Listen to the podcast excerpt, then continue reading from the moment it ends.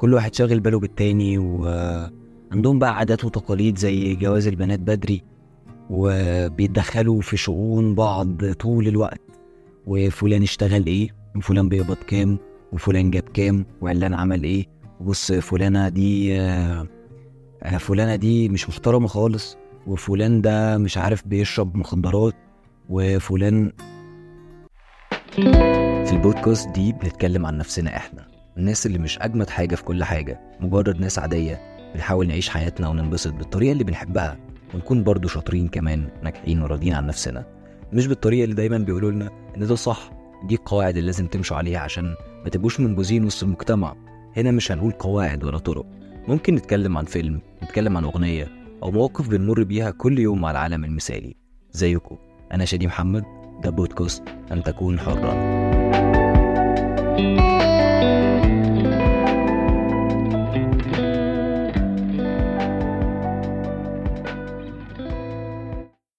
إزيكم؟ عاملين إيه؟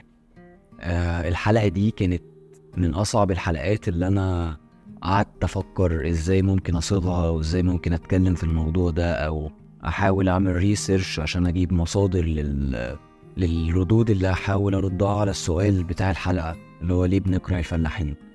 لأن الفكرة دي أو السؤال ده من أكتر يعني الحاجات المعقدة ومن أكتر الأسئلة المعقدة لأن الفلاح ده هو الشخص اللي إحنا بنحبه قوي.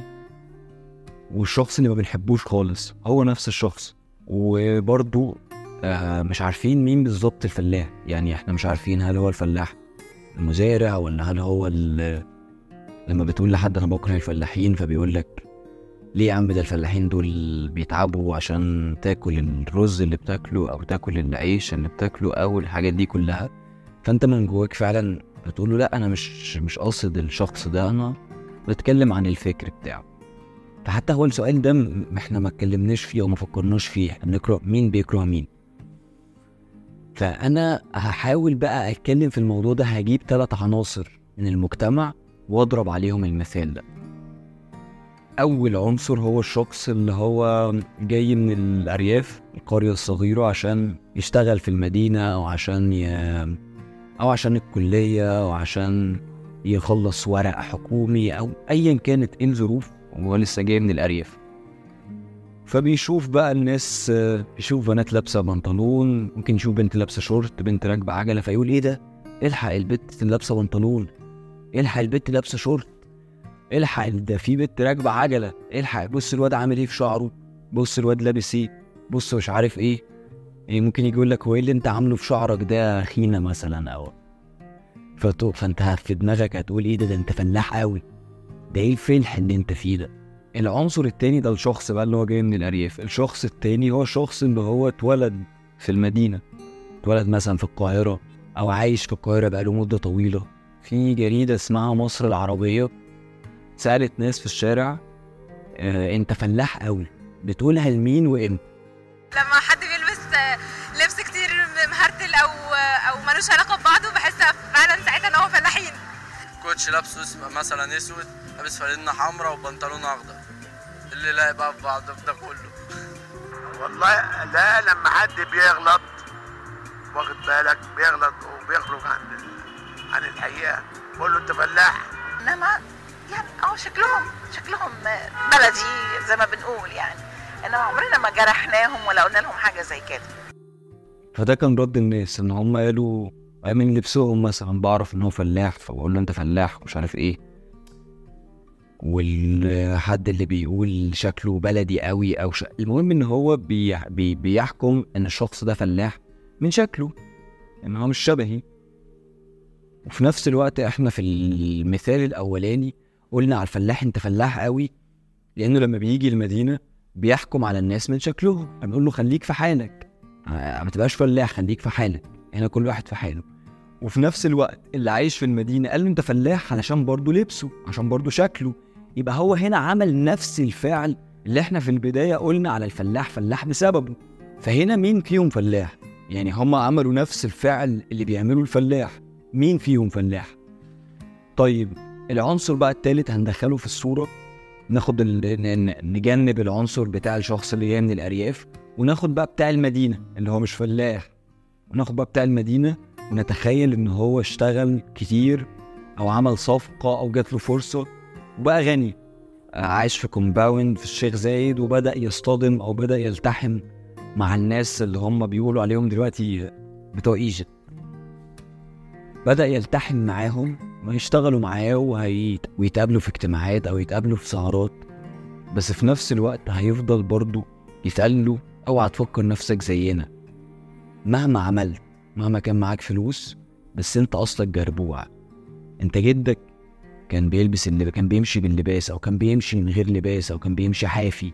لكن أنا جدي فلان باشا أو علام باشا أنا أصلي مش عارف إيه. المقامات عمرها ما بتتساوى. يعني حتى الفنانة منى زكي كانت في برنامج آه، اسمه صاحبة السعادة. كانت بتتكلم عن جوزها وبتقول والله ده هو مثقف جدا وكويس جدا مع إنه من بنها. يعني آه، ايا كان هو بيمارس إيه أو بيعمل إيه؟ أو شاطر إزاي؟ أو ناجح إزاي؟ أو مثقف إزاي؟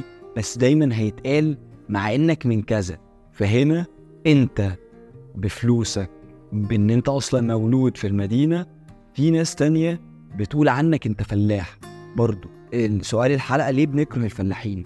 بس عشان نقدر نجاوب على السؤال ده محتاجين أصلا نفهم مين المصري العادي زي ما بيقولوا المصري بقى الراقي أو المصري العادي. ومين المصري الفلاح؟ لأن واضح كده إن محدش عارف. يعني هو كله بيقول على بعض أنت فلاح. فإحنا نحاول بقى نفهم مين هو أصلا المصري. وإزاي بقى في أصل في حد جد وباشا وفي حد أصله مش عارف إيه. فإحنا محتاجين أصلا نرجع شوية ورا كده عشان نفهم إزاي وصلنا لهنا. مين فينا فلاح ومين فينا مصري عادي أو ابن باشا. إحنا بنفتخر دايما بماضي أجدادنا وبنقول إن إحنا أحفاد المصريين القدماء. إحنا أبناء كلمة أبناء الح- أبناء الحضارة الفرعونية رغم إن في ناس كتير بتزعل من المصطلح ده بس هو ده المصطلح الدارج يعني. ولو لاحظنا هنلاقي إن المصطلحات دي اللي هي نرجع نفتكر أبناء كيمت ونرجع نفتكر ال- الحضارة المصرية القديمة في الوقت اللي بتزنق معانا فيه قوي يعني. لما بنكون حاسين بالضعف أو قلة الحيلة. لما ما بنكونش فخورين بنفسنا يعني وحاسين مش حاسين إن إحنا قادرين نعمل حاجة. فنبدأ نفتكر تاريخ ال- المصريين القدماء وأبناء كيمت ونقول والله ده إحنا كنا أسياد العالم. والله ده العالم لسه بيجي يتفرج على العظمة اللي إحنا عاملينها و... وكل الحاجات دي. أنا من الناس برضو الفخوره طبعا طول الوقت بالحضارة الفرعونية بتاعتنا أو أو حضارة المصريين القدماء في العموم. بس إحنا الشعب إحنا الشعب الحالي اللي موجود دلوقتي إحنا شعب معاصر. إحنا شعب غير اجدادنا بقى اللي هم ال- ال- ال- الفراعنة. الشعب المعاصر هو شعب مختلف تماما. إحنا 100 و 100 وش يعني أكتر من 100 مليون. بس من 70 سنة كنا 20 مليون. وفي بداية بقى الأوروبيين لما دخلوا مصر الحملة الفرنسية إحنا كنا 3 مليون. فاحنا نتاج لهذا الشعب الحديث. إحنا شعب حديث. فلما ن- نحاول نرجع بالتاريخ بتاعنا ونعرف إحنا أولاد مين أو إحنا أحفاد مين فهنرجع لهذا الشعب الحديث. الشعب الحديث ده تفتح وعيه وإدراكه للدنيا اللي هم أجدادنا دول. مع بداية بقى ال- ال- الحملة الفرنسية سواء سنة 1798 تقريبا. هي دي البداية. البداية كانت من هنا. مع بداية الحملة الفرنسية. كان الموجود ال- ال- الحملة الفرنسية. كان أغلب المصريين في الوقت ده عايشين في الريف مزارعين. ما بيعرفوش حاجة اسمها ملكية الأشياء. ما فيش حاجة اسمها كده ما فيش قانون بيقول إن المصري ينفع يملك شيء ينفع يملك بيت أو ينفع يملك أي حاجة. كانوا بيتعاملوا مع بعض في الوقت ده بالمقايضة بالبدل. أنا بجيب حاجة ومش محتاجها قوي واديها لك فتديني حاجة أنا محتاجها قوي. بنشتري من بعض الحاجات بالشكل ده. ما عندناش أي حاجة بنملكها إحنا وارثينها أو ما عندناش حاجة بنملكها عشان نورثها لغيرنا. مفيش حاجة. يعني حتى الزراعة اللي إحنا بنزرعها دي مش بنزرعها عشان ناكل منها. إحنا بنزرعها علشان أسيادنا عشان السادة اللي هم المحتلين. وإحنا بناكل بقى اللي بيتبقى من الأكل ده. مفيش ح... ال... الهدوم دي كانت قليلة جدا يعني كون إن أنا بستر عوراتي كده فأنا كده لابس أنا كده مطق إن أنا بس لابس بوكسر مثلا فأنا كده الواد المطقم في في المصريين. الأدوات الصنع نفسها اللي هم كانوا بيشتغلوا بيها كانوش يعني شاريينها والحاجات دي كلها كانت أدوات يدوية كده بدائية هم اللي صانعينها هم اللي عاملينها وبتاع. هو ده شكل المصري وقتها. كانت الحياة في الوقت ده كانت الناس بائسة جدا وفقيرة جدا لدرجة أنت ما تتخيلهاش. يعني أنت لو قارنت أي إنسان فقير دلوقتي أو كان فقير زمان مفيش أي مقارنة تماما لأن هو مش موجود. هو ملوش حاجة بيملكها ما عندوش هدوم يلبسها بالكاد بياكل بواقي السادة بتوعه. عبودية كاملة بمعنى الكلمة المصري. أيام الحملة الفرنسية. بعد كده بقى بدأت الحياة تت- تتحسن يعني تحسن عملاق جدا عملاق ده مش لازم يكون هو بقى غني لا هو تحسن عملاق. بالنسبة للي فات بالنسبة لهذا البؤس الشديد اللي كان موجود قبل كده لكن هو ما تحسنش ما فيش أي حاجة تحسنت برضو بس اللي تحسن بقى مع ال... ال... التحديث بقى بتاع محمد علي باشا الكبير على الأقل في انتظام للري الناس بقت تعرف تزرع في آه انتباه يعني من الدولة أو انتباه من المحتل إن أنت لازم تزرع أو أو أو أو. فبدأت الحياة تتحسن تحسن طفيف بس ظلت حياة الناس شديدة الفقر وشديدة البؤس. بعد التحسن ده فكان برضو الفلاح اللي هو المصري كان بيتم التنكيل بيه وكان بيتم استعباده وكان بيتم يعني كل الأشياء ال- القاسية اللي ممكن تشوفها الشاعر عبد الله النديم قال بقى كشاهد عيان كحد شاف ال ال الأحداث دي بعينيه في وصفه بقى للتنكيل اللي كان بيحصل للفلاح ده إن أيام ما كان ال- الأمير حسين هو اللي بيشغل منصب المفتش العام قال أنا شفت الآلاف من الفلاحين شايلين طين على رأسهم وكان الطين بيغطي أجسامهم إلا في الأماكن اللي لسه فيها آثار ضرب الكرباج ضرب كرباج المأمور أو عصا الخولي. لما يجي خبر إن الأمير حسين المفتش العام جاي المنطقة دي ياخد جولة مثلا كان حد من الرسل بيطلع بالحصان بتاعه عشان يقول لل... لمدير المديريات والمآمير في المحافظه الخبر ده. فالموظفين المساعد المساعدين بقى وقتها يجروا ده كان البروتوكول اللي بيحصل. يجروا يقط- يقطعوا في افرع الشجر ويركبوا على الحصينة دي ويبدأوا يضربوا الفلاحين ضربات قاتلة. فلاحين المشهد كان فلاحين. هو وصفها كده فلاحين باكيين عاريين. وبيمشي الشخص ده يبدأ يضربهم ضربات قاتلة على أجسادهم. المشهد ده كان أكتر مشهد بيسعد قلب المفتش العام. اللي بي بي بيشاور كده ويحسسه إن هو راضي ويقول للمدير عفارم عليك. بعد ما يمشي بقى المفتش العام كانوا بيلاقوا مثلا حوالي 30 أو 40 جثة ماتوا من الضرب أو غرقوا في الطين بعد المشهد ده. و... وفي الثلاثينات بتاعة القرن العشرين المفكر المصري الراحل سعد زهران سأل والدته وهو وهو كان عندهم بقى آه، عدد لا بأس به من الفدادين في المنوفية. قال لها إيه هو الفلاح ده؟ فالأم قالت له إن الفلاح ده إنسان محني الظهر وشه في الأرض قرب يلمس الأرض لحد ما يقرب يلمس الأرض. بيشتغل في الغيط طول النهار ما بيشوفش سيده إلا قليل جدا ولو رآه فمش هيشوف من جسمه إلا رجليه. ولو حب يبوس رجليه فسيده بيضربه ضربة خفيفة كده برجليه بجزمته يعني كنوع من الهزار أو كنوع من المداعبة كده يعني وإشارة عن الرضا بيه أو يديله رفصة مثلا أو يرفسه رفصة مثلا إن هو إيه لا ما تبوسش رجليا أنت أقل من كده. الوصف القاسي ده كان وصف سمعه طفل صغير عايش في رود الفرج في شبرا في التلاتينات في تلاتينات القرن العشرين.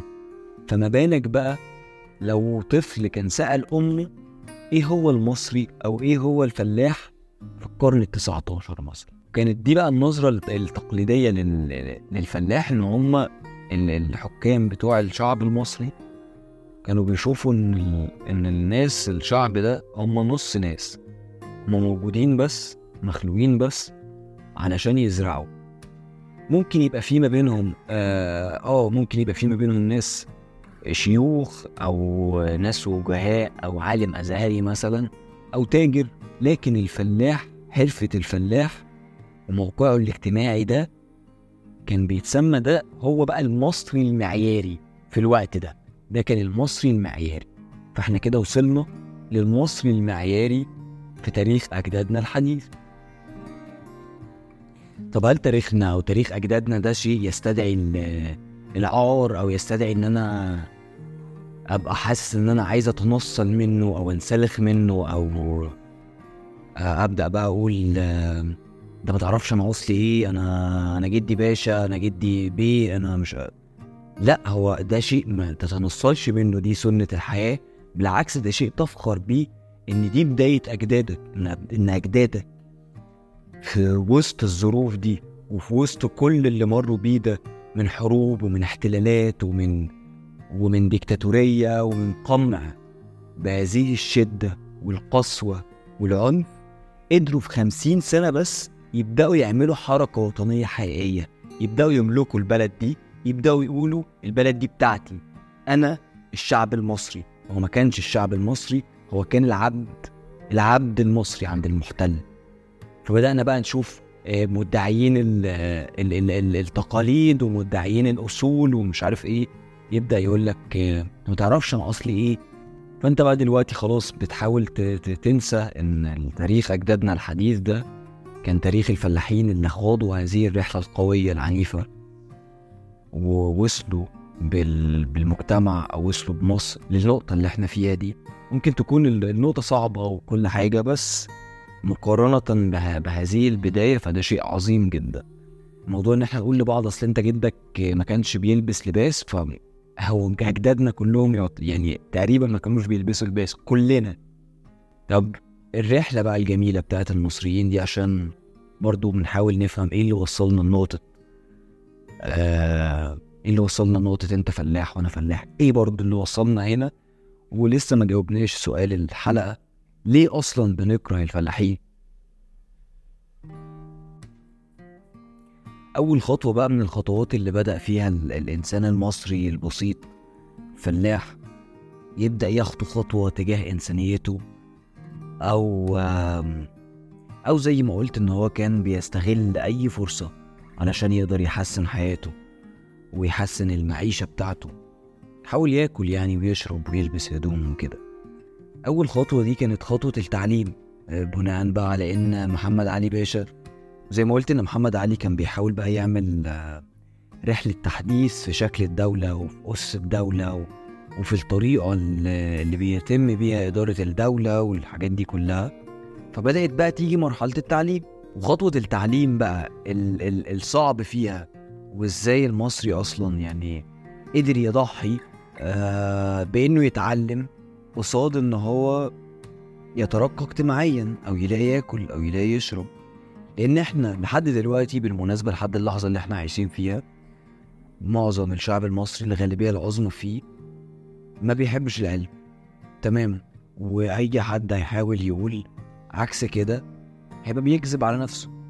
آه، بص على أهالينا بص على بص علينا. يعني معظمنا أصلا إحنا ما بيحبش فكرة العلم نفسها.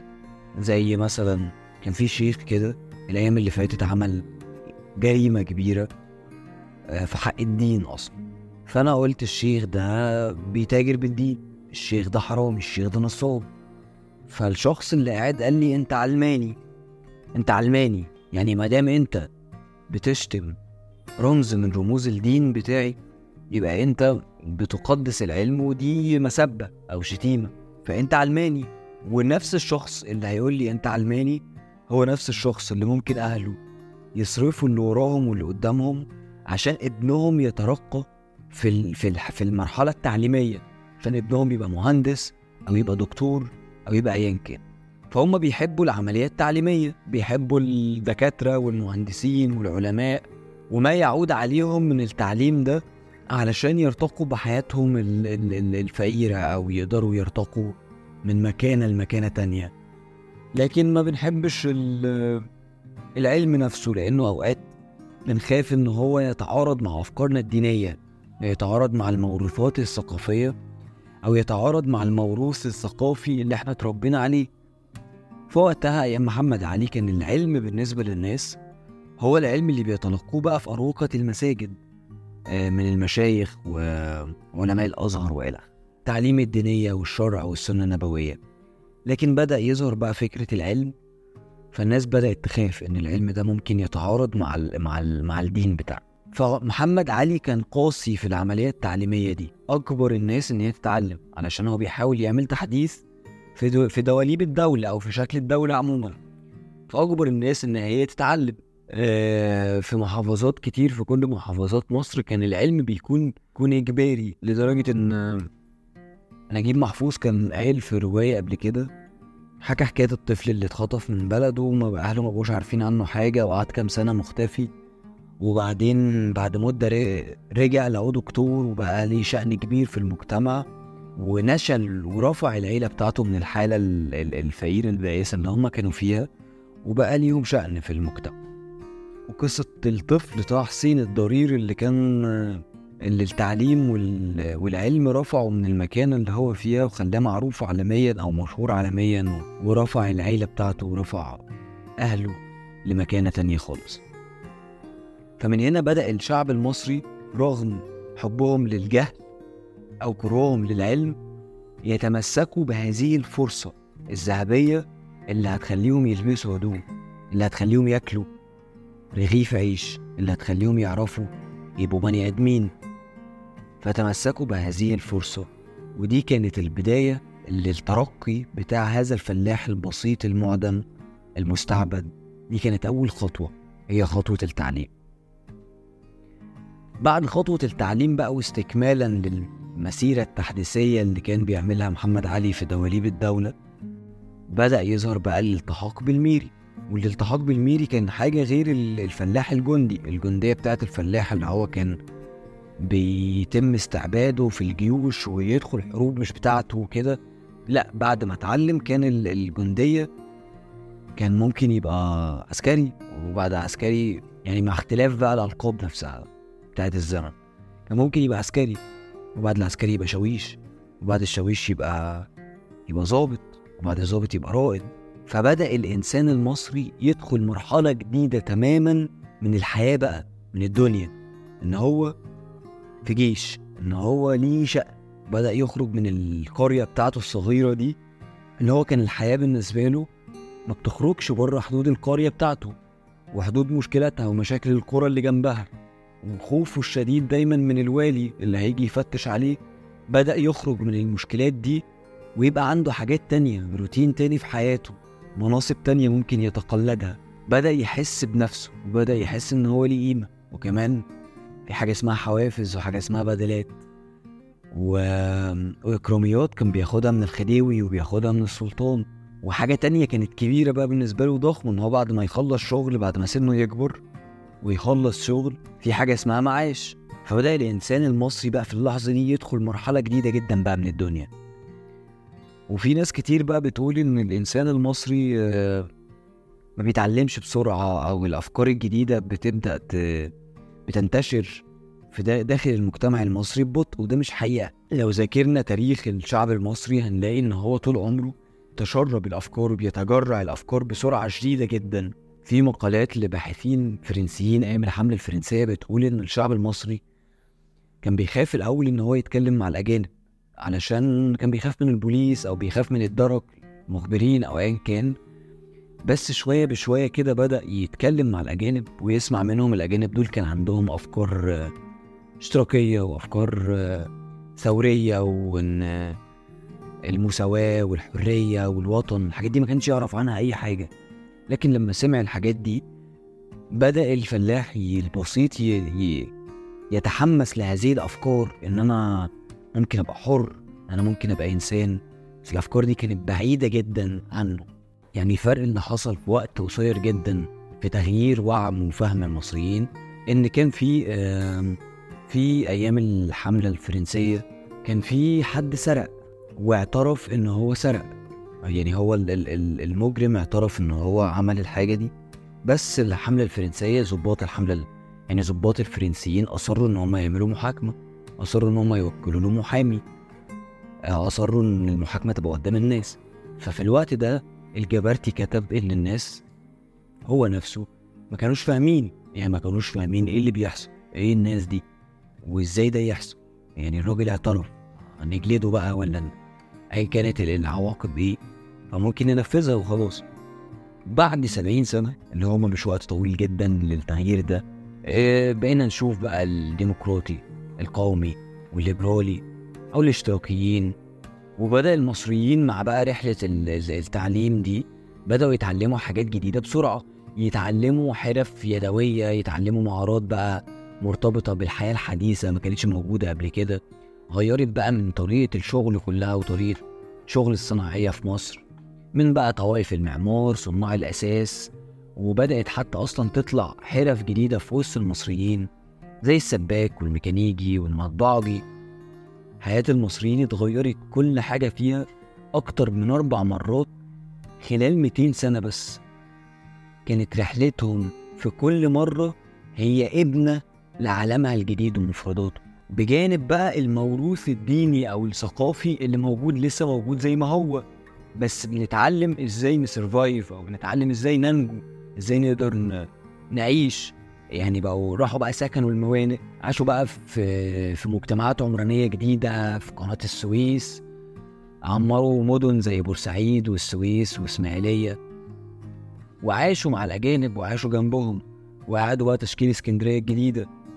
اللي أصبحت مرفأ عملاق دلوقتي بعد شق ترعة المحمودية. المصريين ما سابوش باب إلا وخبطوا عليه عشان يكسبوا رزقهم غامروا بقى ضد معتقداتهم القديمة وغاضوا مغامرة الهجرات الداخلية اللي هي من دولة من بلد قصدي من محافظة لمحافظة.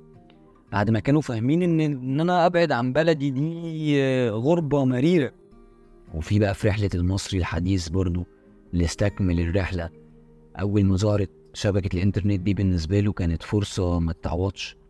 مش عشان بس يتواصل بقى مع الناس أو مش عشان يتفرج على أفلام أو ايا كان لأ. استغلها بكل الطرق الممكنة علشان يقدر يترقى بيها اجتماعيا عشان يقدر يستغلها عشان تقدر ترفع من شأنه. بدأ يظهر ناس مبرمجين اتعلموا كل ده من على الإنترنت. ناس تاخد كورسات وتتعلم مهارات فنية أو تقنية زي لغات البرمجة مثلا. ناس اتعل- قرت كتير جدا في الأدب والسياسة والعلم والفلسفة. لحد ما ظهر أصلا مؤخرا مثقفين كتير جدا وباحثين كتير جدا بنوا نفسهم من الصفر من غير أي دعم. بنوا نفسهم من الصفر علشان يقدر يعمل حاجة عشان يقدر يشتغل عشان يقدر ياكل عيش.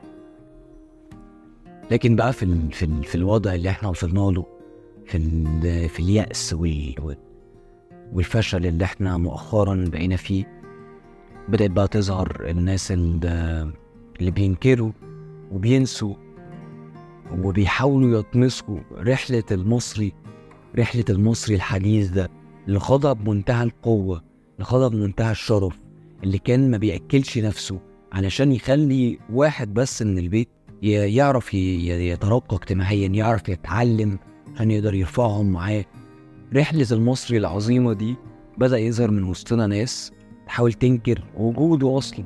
بدأت ناس تتنصل من هذا المصري بدأت ناس تتنصل من هذا الفلاح. يقول لك أصل أنا في اتولدت في بوقي معلقة دهب أصل أنا أصلي تركي. أصل أنا أصلي فرنسي. أصل أنا ال- الحكومة أخدت آه، الأراضي بتاعت أجدادي الملوك والبشوات وإزاي آه، وراح تديها للفلاحين الجرابيع. بدأت تظهر حالة من القرف اللي محتاجة يتولع فيها بجاز السبب بقى الرئيسي والمباشر والمقنع جدا لأن لأن في كتير جدا من الأغنياء والموظفين والمتعلمين والأفندية اللي بي بيس بيستعروا بقى من من أصل المصري أو من أصل أجدادهم فعلا. السبب المباشر والواضح والمقنع عمره ما هيكون مقنع. يعني هو هو عندهم أسباب أكيد بس عمره ما هيكون مقنع لأن ال- التاريخ بتاع أجدادنا أجداد الشعب المصري الحديث تاريخ نفتخر بيه طول الوقت لأنه تاريخ الهروب من الفقر. تاريخ آه، استغلال آه، أي فرصة تخلي ما بيني وما بين ال- ال- الملك ده أو ما بيني وما بين الإقطاعي ده مثلا آه، في تكافؤ في حالة من الوطنية. أنت كنت عبد ودلوقتي أصبحت شعب. مهما كانت ظروفك صعبة مهما كان في فساد بس في الأول وفي الآخر أنت مواطن تتعامل كأنك مواطن. لو في حد هيظلمك أو حد هيبقى ديكتاتور عليك هيبقى مضطر يكذب عليك طول الوقت. مهما حصل ومهما كان قوي بس في الأول وفي الآخر بيبقى جواه حتة خوف منك لأنك مواطن. في الأول ال- ال- الاحتمال ده ما كانش موجود إن هو يكون خايف منك. فتاريخ أجدادنا اللي أخدنا من المرحلة اللي هم كانوا فيها دي للمرحلة اللي إحنا فيها دلوقتي هو تاريخ يستدعي الفخر. فمفيش أي سبب منطقي مقنع فعلا لهذا الانسلاخ من تاريخ أجدادنا.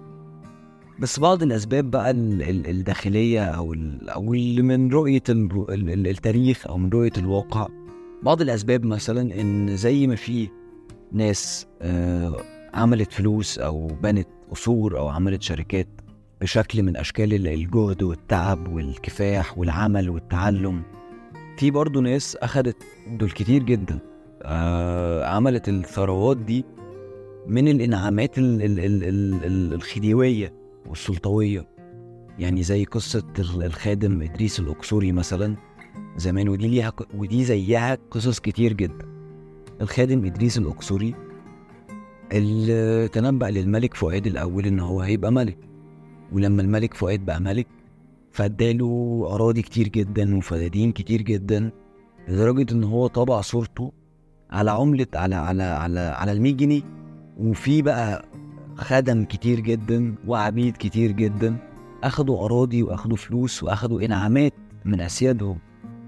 وفي الوقت اللي إحنا فيه خاصة إن ما ما بقاش فيه بقى الباشا وما بقاش فيه الملك وبقينا شعب وبقينا أغلبنا موظفين فالقصة دي مش حاجة تستدعي الفخر تمام إن واحد يحكي آه، قصة جده الأولاني أو أجداده إنهم عملوا الثروة دي كلها من إنعامات الباشا أو إنعامات السلطان أو إنعامات الملك على الخدام الحافي الجعان العريان. مش هتكون عنده سردية كويسة جدا إن هو يقدر يسرد بيها هذه القصة.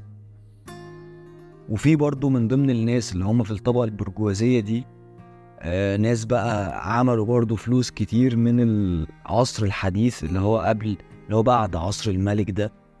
الناس اللي كانوا في وقت آه في وقت السادات وقت محمد أنور السادات قبل كانت بداية الرأسمالية. أنت في الوقت ده كان عندك تاريخ طويل جدا من الفساد. واللي عايز يذاكر تاريخ بس مش تاريخ الكتب والمناهج يعني ممكن يذاكر التاريخ الحقيقي من شواهد عيان يعني. انت كان عندك تاريخ يعني كان عندك حصيلة كبيرة جدا من موظفين الحكومة الفاسدين. واللي هيقول أو اللي هيعمل نفسه مش شايف ده إن ده كان موجود ولسه موجود لحد دلوقتي فهو بيكذب على نفسه. موظفين الحكومة الفاسدين اللي لما قرر محمد أنور السادات إن هو يعمل انفتاح أنت قبلها البلد كانت مغلقة تماما. كانت بلد اشتراكية. زي ما اتكلمت في حلقة الحلقة التانية. يا جماعة لو حد قدامه شغل يقول لي دي ده اسم الحلقة. آه كانت البلد اشتراكية ومغلقة تماما. ولما بدأ بقى يحصل الانفتاح كان في موظفين فاسدين بدأوا يستغلوا هذه الفرص ويجيبوا بقى عملات وتوكيلات أجنبية وما كانتش قايمة على على الإنتاج مثلا. ما كانتش قايمة على الإنتاج أو ما كانتش قايمة على. على الضخ المنتجات المطلوبة في السوق أو أيا كان لا كانت قايمة على المنتجات الاستهلاكية البحتة بدأوا يستغلوا الفرص بالمعلومات المتاحة عندهم بمراكب بناء على مراكزهم في الدولة ويجيبوا بقى التوكيلات دي ويفتحوا الاستيراد وال- والتصدير بأشكال يشوبها الفساد بشكل كامل يشوبها الفساد والبلطجة وال والنصب والاحتيال بشكل كامل. دي كانت البداية. إن وقتها السادات كان قال آه، والله اللي يعرف يجيب فلوس يجيب وادي البلد في الآخر حقها. وعندك برضو مثال لل- للوضع ده. مثال بقى قريب جدا من الناس. الريان مثلا. الريان كان الوقت ال- بت- بتاع آه، الانفتاح. كان الوقت بتاع الانفتاح بتاع السادات ده. كان في مشهد في مسلسل الريان. أنا بصراحة أنا أنا مش فاكر في الحلقة كام بالتحديد. كان بيتفرج على الخطاب بتاع الانفتاح ده. وقعد يسقف ومبسوط في القهوة. فأخوه قال له أنت بتعمل كده ليه؟ قال له أنتوا مش فاهمين. السادات بيقول آه اشتغل زي مش ما تشتغل واعمل اللي تعمله. أهم حاجة تديني حقي. فدي فرصتي. فرصتي إن أنا أقدر أعمل ثروة. فرصتي إن أنا أقدر أعمل فلوس. والريان كان نصاب. وفي بقى أمثلة كتير جدا زي الريان ما اتمسكوش لحد دلوقتي. فالتاريخ بقى فأولادهم أو أحفادهم ما عندهمش سردية شريفة أو كويسة إن هم يقدروا فعلا يحكوا بيها تاريخ أجدادهم. يعني في وقت كده من زمان كان الشاعر الكبير أحمد فؤاد نجم كان آه، مذيعه بتسأله وبتقول له أنت بتكره الاغنياء قال لها آه طبعا بكرههم كلهم حراميه ونصابين. قالت له طب لو أنت غني كنت هتقول نفس الكلام؟ قال لا لا ما كنتش هقول نفس الكلام أكيد كنت هبقى حرامي زيهم طبعا. لأن إزاي أنا هبقى غني معايا مليون جنيه في بلد الناس فيها مش لاقية العيش الحاف إيه الطريقة؟ إيه الطريقة اللي هتخليني إن المرتب بتاعي أعمل مليون جنيه أو أعمل 100 بقى مليون جنيه اللي اتعمل بيها الشركات دي؟ ففي أمثلة كتير جدا الثروات بتاعتهم اتبنت على آه، أشكال تشوبها الفساد يشوبها ال- ال- ال- ال- السرقة والتدليس وال- والبلطجة. فما فيش عندهم سردية يقدروا يسردوا بيها تاريخ اجدادهم فطبيعي إنهم بقى يحاولوا ينسلخوا من. من تاريخ أجدادهم ده. فده اللي إحنا بنتكلم عنه ده نتج عنه إيه بقى؟ إن الطبقات دي اللي هي كانت اللي هي بتسمى الطبقة الوسطى العليا اللي هم بقى بتوع إيجيبت. الطبقات دي معظمها ما عندهاش آم، ما عندهاش قصص تقدر تحكيها للناس أو ما عندهاش فعلا أصل زي ما هم بيقولوا يقدروا يتكلموا بيه للناس. لأن الطبيعي لأن الطبيعي أنت البلد دي ما كانش على مر العصور اللي فاتت مفيش مشروع تنموي يتدرج بالناس انهم يوصلوا لمرحلة صفر لمرحلة 100 لأن مفيش مشروع في البلد حقيقي يخلي الناس تقدر تعمل ده.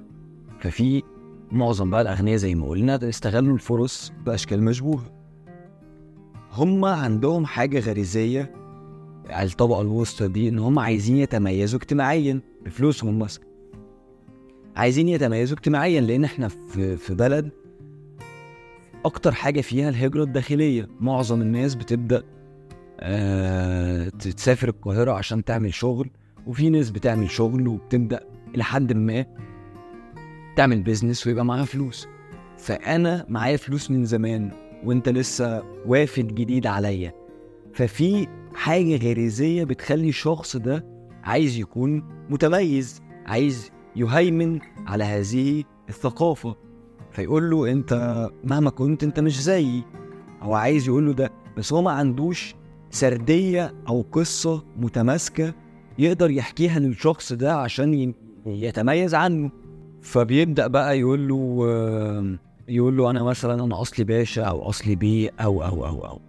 فدايما القصة دي على مر السنين اللي فاتت كلها ما كانتش بتبقى مقنعة. ما كانتش بتبقى مقنعة حتى للشخص اللي بيقول كده. يعني الشخص اللي بيحاول يتميز اجتماعيا على هذا الوافد الجديد للمجتمع بتاعه ما كانش بيبقى عنده قصة مقنعة قوي. يعني أنا واقف قدامك وأنت بتقول لي أصل أنا الاصول والاصول والاصول أنا حتى من غير ما ما ما راجع في التاريخ أو من غير ما أدور أنا مش حاسس إن أنا مقتنع.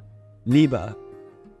لأن أنت ما عندكش ثقافة حقيقية أقدر أتفرج عليها وأتعلم منها. ما عندكش حاجة أقدر ألمسها غير الكذب والت... والتدليس والتزييف اللي أنت بتعمله لتاريخك. أنا مش شايفك فعلا من شكلك كده وأسلوبك وطريقتك. من أسرة عريقة فعلا. أنا مش لامس ده بإيديا. أنا شايفك بس بت... بتحاول تتنطط عليا زي ما بيقولوا. فدايما ال... القصة بتاعت الطبقة الوسطى العليا دي كانت بتبقى ضعيفة وهشة. فده بيحصل بعده إيه بقى؟ بيحصل إن الناس دي على مدار ال 40 سنة اللي فاتوا كان مرة بيحصل مدن جديدة وبتبدأ الناس دي تهرب للمدن الجديدة دي. لدرجة إن هي وصلت دلوقتي في الوقت الحالي اللي إحنا فيه إن المدن الجديدة دي بيحطوا عليها اسوار واوقات بيتحط عليها أمن وناس بسلاح إن هو خلاص مش عارف يسيطر أو يهيمن على هذه على على الوافدين الجدد دول بالسردية الهشة بتاعته دي. فيبدأ يقول له أنت أصلك جربوع أو أصلك أو أصلك أو أصلك. وبعد بقى ما هربوا للمدن الجديدة اللي بنوها علشان آه، يحسوا بالتميز الاجتماعي هم ما عندهمش حاجة يقدروا يثبتوا بيها التميز التميز الثقافي اللي عندهم ده أو التميز الاجتماعي. فأصبح التميز الاجتماعي بالنسبة للفرد من دول هو في- إن هو بيستهلك قد إيه. إن أنا أقدر أشتري حاجات الفقير ده ما بيشتريهاش. مش لازم أكون عايز الحاجات دي قوي. بس إن أنا أشتري حاجات عالية وغالية طول الوقت الناس ما تقدرش تشتريها. فاصبحت قيمة الفرد من الأفراد دي قيمته هو بيستهلك قد إيه؟ مش هو بينتج قد إيه؟ أو بيبدع قد إيه؟ وكل ما كان بقى الاستهلاك ده مفرط. ويتم التباهي بيه ويتم ال... ال... ال- الحصرية بقى إن أنا بس اللي أقدر أعمل كده تنجح بقى رسالة التميز دي. أنا فعلا خلاص آه، متميز اجتماعيا عنه طيب يا شادي ما انت اتكلمت عن الطبقة المتوسطة العليا بس و... وانهم بقى بيحاولوا يهربوا من ال... معظم الناس يعني اللي بتمارس فيهم طبقية أو الهروب من الماضي. بس ما اتكلمتش عن إن إحنا ليه ك... ك... كعامة الناس بقى اللي هم مش مش أغنياء قوي ومش وارثين ملايين يعني والحاجات دي كلها. طب ليه بنعمل في بعض كده؟ يعني ليه برضو إحنا على رأي المثل كلنا أولاد تسعة يعني؟ فليه بنبدأ نعمل مع بعض كده أصلا؟ إحنا في المدن الجديدة وفي العصر الحديث اللي إحنا فيه ده بلد مثلا زي القاهرة وإسكندرية بيتم الهجرة الداخلية إليها باستمرار طول الوقت. إسكندرية مثلا بسبب بسبب المصايف أو كمان بسبب الشغل برضو وبسبب ال- الكليات. والقاهرة بيتم الهجرة إليها باستمرار برضو بسبب الكليات وبسبب الشغل. وبسبب لقمة العيش وبسبب حاجات كتير قوي. بيت بيتولد جوه المجتمع ده تكدس سكاني كبير جدا من فئات كتير جدا من الناس جايين من خلفيات ثقافية كتير. إحنا بقى كناس عاديين بنحاول طول الوقت إن إحنا نوفر على نفسنا ال... الوقت الطويل وبنحب نحط بعض الفئات عشان يبقى الموضوع سهل. اللي هو فلان ده آه الفلان ده مثلا جاي من بيت كذا. فلان ده أهله كذا فلان ده أهله كذا عشان وأنا خلاص. الموضوع سهل جدا بالنسبة لي إن أنا أحط فلان ده في فئة معينة كده وأبدأ أتعامل معاه على هذا الأساس. يعني حتى افت- افتكرت وأنا بتكلم دلوقتي واحد صاحبي كان طول الوقت بيبدأ يعمل ده. يعني طول الوقت فلان ده كذا فلان ده بيعمل كذا فلان ده شخصيته نفسها كذا. هبدأ أقول له بس كل واحد آه، يعني على أي أساس إحنا بنحسب إن فلان ده شخصيته كذا. فبيقول لي ما هو الناس كتير جدا. يعني هو عنده وجهة نظر برضو إن الناس كتير جدا وبيتعامل مع ناس كتير جدا في اليوم فلو قعد يعرف شخصية كل واحد وطبع كل واحد هياخد وقت طويل جدا. فهو مش لازم يعاشره بقى علشان يعرف شخصيته. فأنا هجيب بعض الحاجات كده أو هحاول بشكل ما أنا هحاول بشكل ما إن أنا أحطه في طبق عشان أسهل على نفسي وأوفر على نفسي وقت. فمن ضمن بقى ال ال ال الحاجات اللي إحنا بنعملها في بعض دي هي مثلا اللهجة. في دلوقتي مؤخرا حاجة اسمها اللهجه اللهجة البيضاء. بيتكلموا إن في اللهجة البيضاء بتاعت القاهرة آه اللي هي دي اللهجة اللي هي أم بقى اللهجات في مصر. إن أنت السينما بتتكلم باللهجة دي. ال- ال- ال- المسلسلات بتتكلم باللهجة دي. بتتكلم باللهجة دي إمتى؟ لو هم بيمثلوا مشهد أو فيلم أو حالة وهم مش مبينين قوي مش موضحين قوي البلد دي محافظة إيه؟ يعني دايما في المحافظات يبينوا بقى قوي دي محافظة كذا لكن لو مش مبينين أو مش متكلمين عن المحافظة ما قالوش دي القاهرة. هما بيتكلموا عن الفيلم في المطلق ما قالوش المنطقة أو المحافظة. فبيبدأوا يتكلموا بهذه اللهجة البيضاء بتاعت القاهرة. الأغاني بقى وكل ال- ال- الميديا عموما آخر 100 سنة بيعملوا ده. كل حاجة في الميديا بتت... فرضت اللهجة دي على الناس. وبيجيبوا بقى يعني لو هن هنجيب بقى اسكندرية أو هنجيب الصعيد أو هنجيب أي محافظة تانية فنبدأ نعمل لها لهجة. نبدأ نعمل لها لهجة. عايز أقول لكم إن ال- اللهجات معظم اللهجات اللي بي بيجيبوهم في البلاد دي هي مش لهجة البلد نفسها. يعني هي مش مش لهجة البلد نفسها هو بشكل حقير جدا بيتم فرض اللهجة دي على البلد. الصعيديين لما كانوا بيسمعوا اللهجة بتاعه الصعايدة كانوا بيجيبوها بشكل كاريكاتيري جدا مضحك جدا وساخر جدا. لدرجة الصعايدة بيبقوش فاهمين اللهجة دي بتاعت مين. كانوا بيسموها لهجة التلفزيون أو صعيدي التلفزيون. الأرياف وال... والمحافظات بقى اللي هي المزارعين يعني. برضو اللهجات اللي بيشوفوها بيتم إنتاجها دايما بشكل كاريكاتيري. برضو الناس دي بتبقى بتتفرج على الفيلم وهم مش فاهمين إيه اللهجة دي. لأن كل قرية أساسا يعني هو في الأصل كل قرية اللي هي قرية صغيرة جدا هي ليها لهجة مختلفة تماما عن القرية اللي جنبها. كل مكان وكل محافظة كل مدينة أقصد جوه البلد دي ليها لهجة مختلفة عن اللهجه اللي جنبها.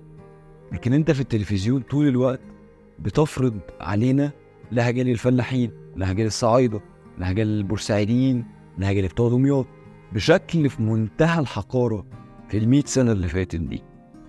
فمع ده بتبدأ تتسيد بقى لهجة القاهرة. ودي بقى بقت من ضمن الحاجات اللي الناس بتحاول بقى تميز بعض بيها أو آه أنت راقي ولا أنت فلاح؟ أنت راقي ولا أنت من محافظة تانية؟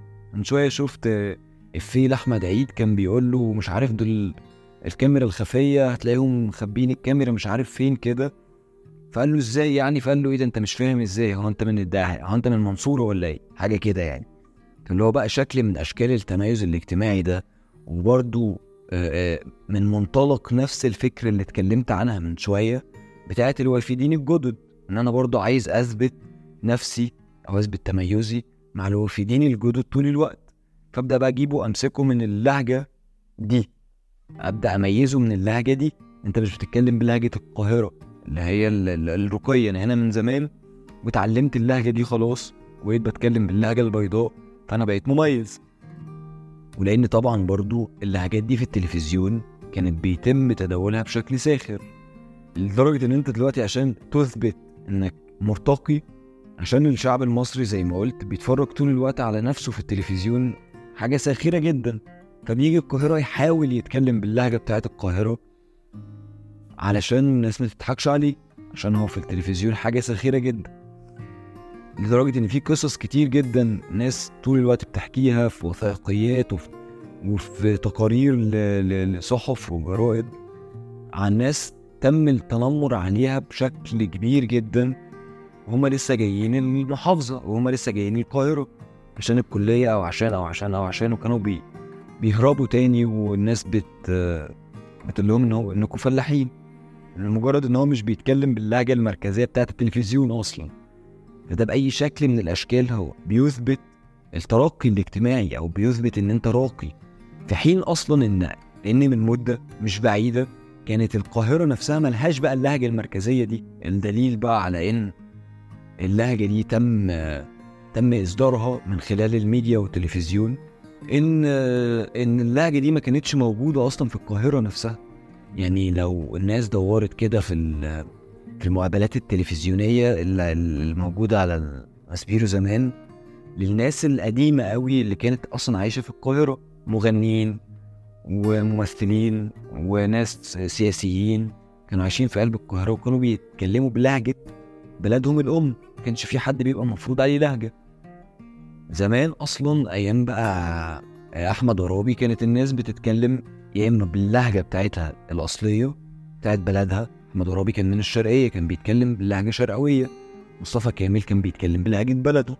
ولو وال- واللهجة بقى اللي هي بيقولوا عنها بيضاء دي كانت بتبقى اللغة العربية المتفصحة أساسا بقى.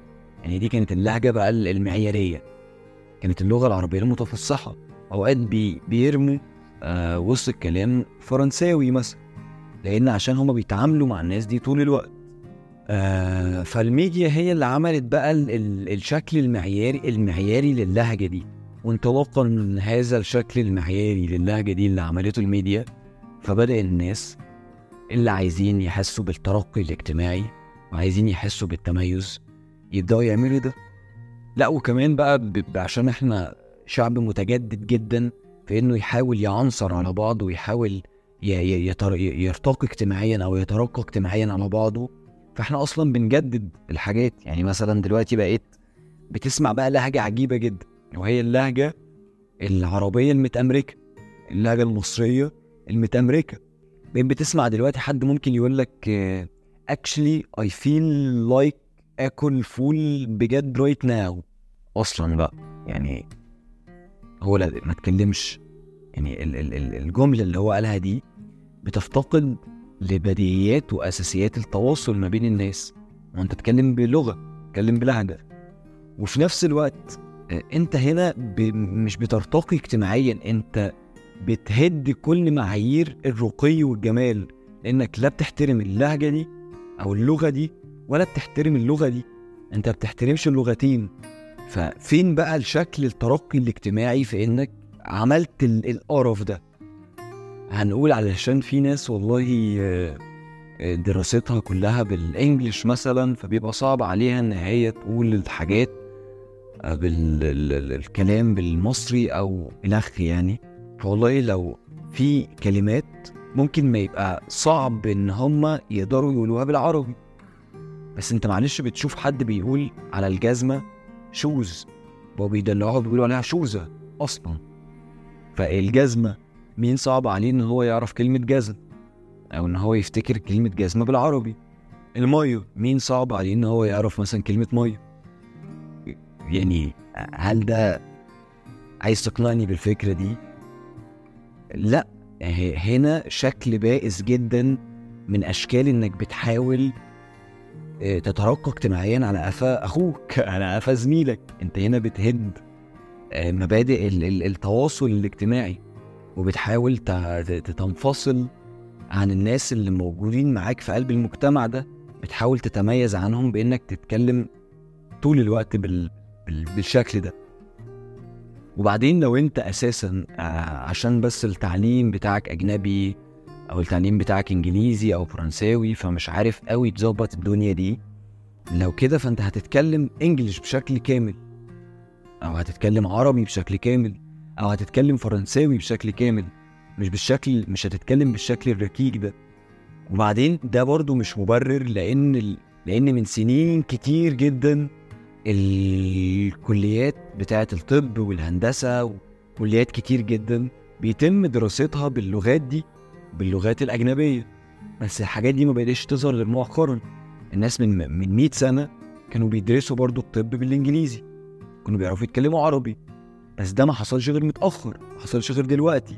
فمحاولة إنك آه تتأمرك اللي بالمناسبة ال- ال- اللهجة اللو- اللكنة الجديدة اللي أنت بدأت تعملها دي؟ بدأ الناس اللي هم في ال- في المجتمع نفسه اللي هم برضه ناس شعبية بت- عشان تحاول تتنطط على بعض فبيتعلموا اللكنة الجديدة العربية المتأمريكا اللي انت اخترعتها دي. بس في محاولاتك إنك تعمل كده أو تخلق هذا النسل العربي أو المصري المتأمرك الهربان من تاريخه أساسا آه، خليت حياة الأطفال دي بائسة جدا أشبه بالتيه لدرجة إن في بنشوف على التيك توك أو شفنا تقرير كانت عاملاه جريدة إن شباب من ال AUC نزلت علشان تتفرج على الشعب ال- ال- ال- الناس الشعبيين دول كأنهم نازلين يتفرجوا عليهم في حديقة الحيوان بيكتشفوهم يعني زمان كان بيبقى في فرص إن الناس بتكتشف بعض عشان جامعة القاهرة وبتاع قبل ما أنت تهرب قبل ما أنتوا تهربوا أو قبل ما الناس دي تهرب. لكن دلوقتي خلاص مفيش طريق بيجمع الاتنين لدرجة إنك عملت هذا التيه. هذا التيه اللي خلى المجتمع ما بقاش مجتمع أصلا. اللي خلى الناس آه، أنا آه، أصلي كذا وأنت أصلك كذا أصل أنت فلاح أصل أنت أصل أنت أصل أنت. أسا... أسس التواصل مع الناس في المجتمع ما بقتش موجودة. يعني في في بلاد بيبقى مفهوم جدا العنصرية جواها لأن بيبقى أي ال- العنصرية قايمة على العرق. أو على أشكال مختلفة من الحروب أو على عداوات مختلفة. لكن أنت العرق بتاعك واحد الشعب بتاعك واحد. ممكن يكون بس جدك كان حرامي آه، وأنت ممكن ما تبقاش خلاص تيجي بقى وما تبقاش حرامي. لكن أنت خلاص بتحاول تهرب طول الوقت من. من الشعب ده.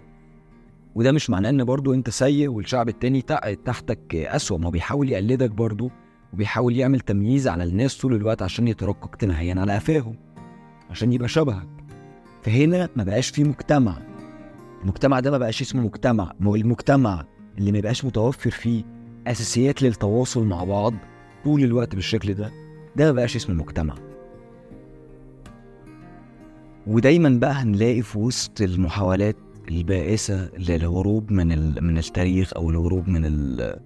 من الأصل الحقيقي هنلاقي ال... الأصول دي موجودة في وسط المحاولات دي نفسها يعني في محاولة عوجة اللسان هن... هن... هنكتشف إيه أصل آه، عوجة اللسان دي. هتفضحها عوجة لسانه نفسها. وفي محاولة أخرى بقى هنكتشف برضو من جواها التاريخ اللي بيفضح أصحاب المحاولات دي زي مثلا الأسمر والأبيض. الرجل الأسمر والرجل الأبيض البنت السمراء والبنت البيضاء. في بقى حاجة بتحصل جوه فكرة الألوان عندنا كمصريين هي فكرة إن أنت آه، إحنا مصريين لوننا الأصلي إيه؟ إحنا سمر ولا بيض؟ طب إحنا بيض بقينا سمر ولا سمر بنحاول نبقى بيض؟ ولا إحنا أصلا سمر ومتخيلين إن إحنا بيض؟ دايما الأسئلة دي كل فترة بتبدأ تظهر بدأت بقى القصة بتاعت الألوان عند. عند المصريين دي من عند. من عند تخيلنا أو تخيل المصريين وقتها عن شكل السيد شكل السيد بتاعهم أو شكل ال... ال... ال... البني آدم اللي هو ماسك الكرباج أو ماسك ال... ال... ال... ال... السلاح. شكل السيد اللي هو الأبيض. بس مش الأبيض الأوروبي الأبيض الشركسي المسلم اللي كان شكله بقى إيه وشه مدور كده و... و... و... ومحمر كده يعني يكتسي بالحم... بحمرة الوجه. وجسمه مليان من كتر الأكل. فكان الشكل بتاع السيد ده بيبصوا له كده فيحسوا إن هو واكل ومتغذي علشان إحنا كمصريين بنتفرج عليه وإحنا لحمة على عظم يعني زي ما بيقولوا. مفيش أكل زي ما قلت قبل كده إن كانوا بياكلوا من بواقي. بواقي السادة بتاعتنا فكان شكل السيد ده هو الحلم هو الطموح هو الشكل المعياري للرقي والجمال. ف... فبدأت بقى فكرة تح... تح... يعني فكرة تحسين النسل دي عند المصريين. لما بدأ يلتحق بقى فكان الرجل والشكل بتاع الرجل الراقي جاي من من من احمرار وجهه أو من آه، من بدانة جسمه علشان بيدل على إن هو واكل ومتغذي. الموضوع بادئ من هنا أصلا. الموضوع بادئ من عند الأكل إن هو واكل ومتغذي. فلما كان واحد بيتقدم لواحدة كانوا بيحسبوا أو بيشوفوا شكل ال ال الراجل ده أو شخصية الراجل ده أو آه، رقيه من حجم كرشه قد إيه. وكان ده موجود في مسرحيات سيد درويش وفي أغاني سيد درويش في التراث بتاعنا. حتى في مقالات للفرنسيين لما كانوا في مصر بيقولوا إن هما كانوا بيستغربوا من معيار الجمال عند المصريين اللي جاي من السمنة المفرطة والبدانة المفرطة. إن الهوانم ال- الهوانم بتوع القاهرة كانوا بيبقوا قاعدين في المشربية كلهم بالإجماع عندهم بدانة مفرطة متعمدة وقاعدين يدخلوا يدخنوا النرجيلة في المشربية على الرغم من إن الفقراء دايما دايما والمتسولات اللي في الشارع كانوا بيتميزوا بالرشاقه وبالخفه فده كان شيء بالنسبة لهم غريب. وبعد كده بقى لما ال- الفلاحين يدخلوا بقى الجيش زي ما قلنا كانت الجايزة أو المكافأة اللي بياخدها الضابط الجديد اللي التحق بالجيش إن هو بيتجوز واحدة من جواري من جواري الخديوي أو من جواري السلطان. في محاولة بقى من شركسه نسله الفلاحي ده محاولة إن هو يحاول يعمل تحسين للنسل بتاعه ده بإن هو يجيب أطفال بيض أطفال جايين من من أصل تركي وجه تركي من وجه أبيض. وبعد كده انضمت للصورة بقى الحركة الوطنية والضباط المصريين اللي بدأوا يعملوا آه، مع الوقت جلبة في في الأحداث في مصر. يعملوا حركة وطنية. الفلاحين دول فبدأ يظهر فلاحين يعملوا حاجة في البلد فعلا. فبدأت تظهر صورة جديدة جدا للمصري المعياري. اللي هو الرأي شادية اللي سميتهم في الأغنية الرجال السمر الشداد. فبدأ يظهر بقى المصري اللي هو ال- الأسمر الغني اللي معاه فلوس اللي باين على شكله كده إن هو معاه فلوس. فبيدل بقى على الأسمر المكافح الشقيان التعبان. لكن هو خلاص وصل لمرحلة ذات قيمة يعني. وبدأت تدخل في صور ال- الألوان عند المصريين. حاجة بقى جديدة اللي هو ال- ال- الأبيض الأوروبي. الأبيض الأوروبي ما دخلتش بس مع الاحتلال البريطاني بدأت تدخل مع ال ال ال ال الغزو بدأت تدخل من الغزو بتاع السينما الأمريكية لمصر لما بدأ يظهر الرجل ال- الابيض بقى الأوروبي. آه، فبدأت هنا المعايير بتاعه الرجل ال- ال- الغني أو الراقي إن هو يبقى مثلا أبيض أوروبي. ف... فلقينا بقى حاجات في مصر زي إن فنان زي أحمد زكي كان بيحكي إن هو كان في أدوار كتير وفرص كتير بتهرب من إيديه لأن هو شكله أسمر. هي محتاجة رجل راقي أو محتاجه رجل آه، شكله باين عليه الغنى. فهو عشان شكله الأسمر فبيتم تجنيبه من أدوار كتير في السينما. وبدأت تظهر بقى إن ال- ال- البشرة السمراء في مصر دي آه، استثناء زي مثلا بدأوا يسموا عبد الحليم حافظ عشان هو أسمر يسموه العندليب الأسمر. ويسموا آه، ويسموا مديحة كامل ال- ال- الجميلة السمراء مثلا. فبقوا بيطلقوا على الشخص اللي هو بيبرز جنب اسمه لفظ الأسمر مثلا. على أساس إن الأسمر ده خلاص استثناء للقاعدة. والبنت بقى خلاص بدأ يبقى مطلوب من البنت دايما إن هي تبقى تحاول تحط كريمات تفتيح أو تحاول تفتح بشرتها طول الوقت عشان تبقى شبه الأسياد. آه، من أول بقى مش مش البشرة بس كمان الشعر. الشعر إحنا أصلا شعب ومعظمه شعره مجعد. لا لازم تفرد شعرها وتحاول تفتح بشرتها من أول شعرها لحد بشرتها لحد فرجها نفسه لازم يبقى أبيض آه وبعد مع الوقت بقى بدأنا نحط لأن إحنا شعب متجدد دايما وبيحاول طول الوقت يجيب شفرات للتميز الاجتماعي بتاعه ده فبدأنا نختلق مص- مصطلحات جديدة بقى تماما نميز بعض على أساسها زي الأبيض الكالح والأسمر المقشف معنى إيه؟ يعني إيه الأبيض الكالح والأسمر المقشف؟ إن خلاص المعايير هتبقى على بشرتك متغذية قد إيه؟ أو شكل وشك؟ آه واكل ومتغذي قد إيه؟ أنت هتبقى أسمر لكن لازم تبقى واكل ومتغذي وبتعمل skin care لبشرتك آه، أبيضاني فبرضه لازم تبقى متغذي وبتعمل skin care لبشرتك من شكلك كده الاجتماعي لونك بشرتك اللي عاملة skin care ثقتك بنفسك إنك معاك فلوس فكده خلاص أنت تمام.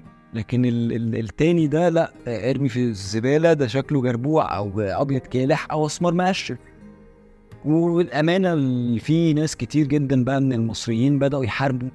الظاهرة دي من الستات بالأخص. اللي بدأوا يحاربوا الفكرة دي وبدأوا يظهروا بشعرهم ال curly أو بدأوا يظهروا ببشرتهم ال ال- ال- السمراء على شا... في, ال- في ال social media ويحاربوا الموضوع ده بمنتهى القوة.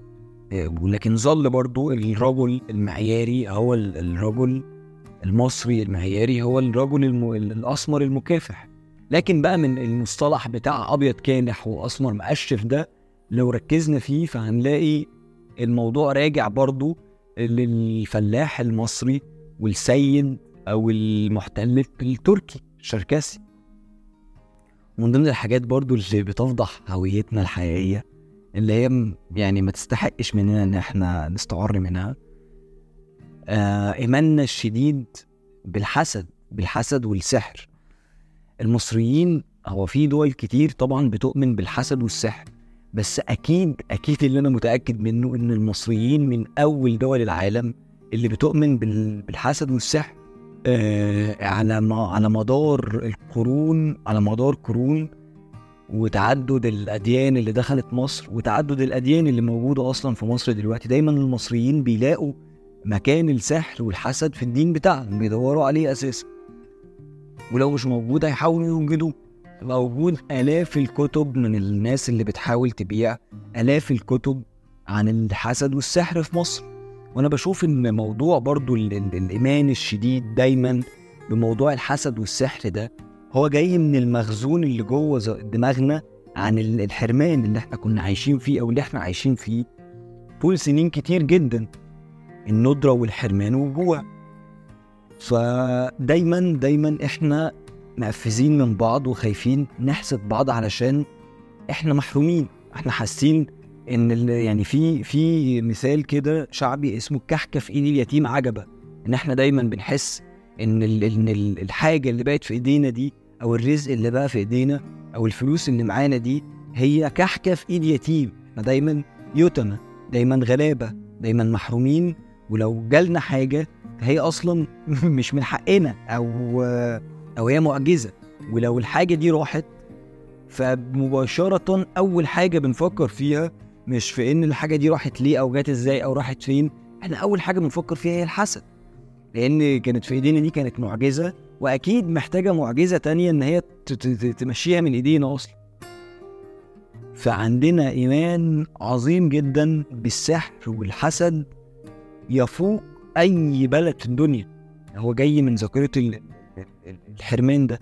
وبرضه من ضمن الحاجات اللي جاية من ذاكرة الحرمان أو ذاكرة الجوع عندنا اللي توارثناها من بعض هي محبتنا العظيمة جدا وتقديسنا العظيم جدا للأكل. الأكل عندنا مش مجرد أكل بنحب ندوق طعمه لا هو هو حاجة إحنا طول الوقت بنحاول نلتهم منها على قد ما نقدر. بنحاول طول الوقت يعني حتى في أفراح البرجوازيين الأغنياء الرأسماليين بتوع إيجيبت دول أنت بتشوف البوفيهات ال- المليانة والناس اللي واقفة في طوابير ضخمة وبيخبطوا في بعض اللي هم أصلا كده كده واكلين ومتغذيين في بيوتهم. وبيملوا الأطباق على آخرها أكل وبياكلوا. في منظر بائس جدا من خبط الكروش بتاعتهم في بعضها والتهام الأكل زي الجعانين والمحرومين. من ضمن برضو التراث اللي بيتكلم عن ده إن لما كان بيظهر لنا جني في الفيلم بتاع إسماعيل ياسين تقريبا لما ظهر له جني أول حاجة كان بيطلبها من الجني ده أو من ال- العفريت اللي ظهر له ده ما كانش مثلا بيقول له هات لي فلوس أو هات لي بيت أو هات لي لأ. هو كان بيقول له أنا عايز وليمة كبيرة جدا فيها ملذه وطعم اللي عندنا من ضمن برضو الثقافة الموروثه عندنا هي لو حد مكتئب مثلا فبنقول له خش كل. يعني أنا حتى نفسي لما آه، أحس بعدم الأمان أو أحس بالخوف أو أحس بالسعادة أو أي شعور أنا ببدأ آكل. ببدأ آكل كتير. لأن ال- ال- الأكل بالنسبة لي هو شيء بيحسسني أنا شخصيا بالأمان مثلا. وال- والناس كتير. الناس هترد عليا تقول لي أصل الأكل ده ثقافة وإحنا ثقافة الأكل عندنا. إحنا ما كانش عندنا أكل ما كناش بناكل فما تقوليش ثقافة. يعني أنت ما تقوليش ثقافة الأكل عندنا لأن بالرجوع للتاريخ وبالرجوع للشكل المصري المعياري الحقيقي هو ما كانش بياكل أصلا. ثقافة إيه؟ فالثقافة بتاعة ال- ال- الأكل طول الوقت هي برضو بتفضح هويتنا اللي هي دايما عايزة تحس طول الوقت. بالأمان ايا كان وضعنا الاقتصادي إيه أو وضعنا المادي إيه أو أو أو. يعني حتى في قريت نص أدبي ل... ل... لبنت سورية كانت بت... بتقول إن يعني كانت بتتكلم عن المأساة اللي شافتها من بشار الأسد و... وال... والمآسي الكتير اللي شافتها لدرجة إن هي من كتر الجوع والحرمان اللي كانت بتبقى حاسة بيه كانت بتقوم تاكل حتى وهي مش جعانة. يعني لما بتلاقي الأكل قدامها فبتقوم تاكل حتى وهي مش جعانة من ذاكرة الجوع اللي جواها. إحنا عندنا ذاكرة الجوع متوارثة ابا عن جد يعني. وكلامي عن الأشياء الأخيرة دي هي مجرد ملاحظة مش لازم يعني تفضي لنتائج ضخمة. لكن الأكيد إن ليها دلالة عدم الإحساس بالأمان طول الوقت ده مش شعور فردي لأ. ده أصبح شعور جماعي ناتج عن عن أزمة التواصل اللي بقت موجودة بينا وكل واحد بقى ماشي متحفز ومقفز من التاني. أنت أكيد لما تعيش في محيط واسع من الفقر فالفقر ده هيطولك بطريقة أو بأخرى. لو ما طالش جيبك هيطول روحك ومشاعرك لأن في النهاية الإنسان كائن اجتماعي. عدم الإحساس بالأمان والخوف من الحسد والحرمان هو إحساس عميق وفي محله وناتج عن الشعور بأن كل لحظة سعادة أو جرام من النجاح هو شيء نادر وسط محيط من التعاسة واليأس. فقر الحياة وفقر الخيال وفقر النفوس والإحساس بالخوف المستمر والإحساس بالذنب من قلة النجاحات جنبه شعور بعدم الاستحقاق أساسا وإحساس الخطيئة اللي بتحسه وسط كل لحظة حلوة بتعيشها حتى لو كانت بسيطة. وسط هذا الجمع من الحزانة التائهين التعساء. وأنا عارف إن كان في ناس كتير مستنياني أتكلم عن ال- عن الفلاحين بقى من منطلق إن هما مجتمع الجايين من مجتمع ضيق أو مجتمع مغلق كل واحد كل واحد شاغل باله بالتاني وعندهم بقى عادات وتقاليد زي جواز البنات بدري. وبيتدخلوا في شؤون بعض طول الوقت. وفلان اشتغل إيه؟ وفلان بيقبض كام؟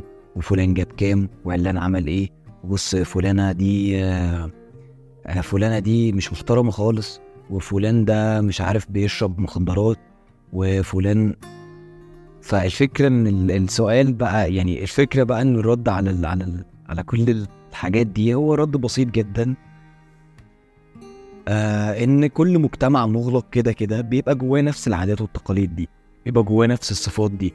أي مجتمع في أي حتة في الدنيا شوف أي مجتمع مغلق هتلاقي فيه نفس الحاجات دي.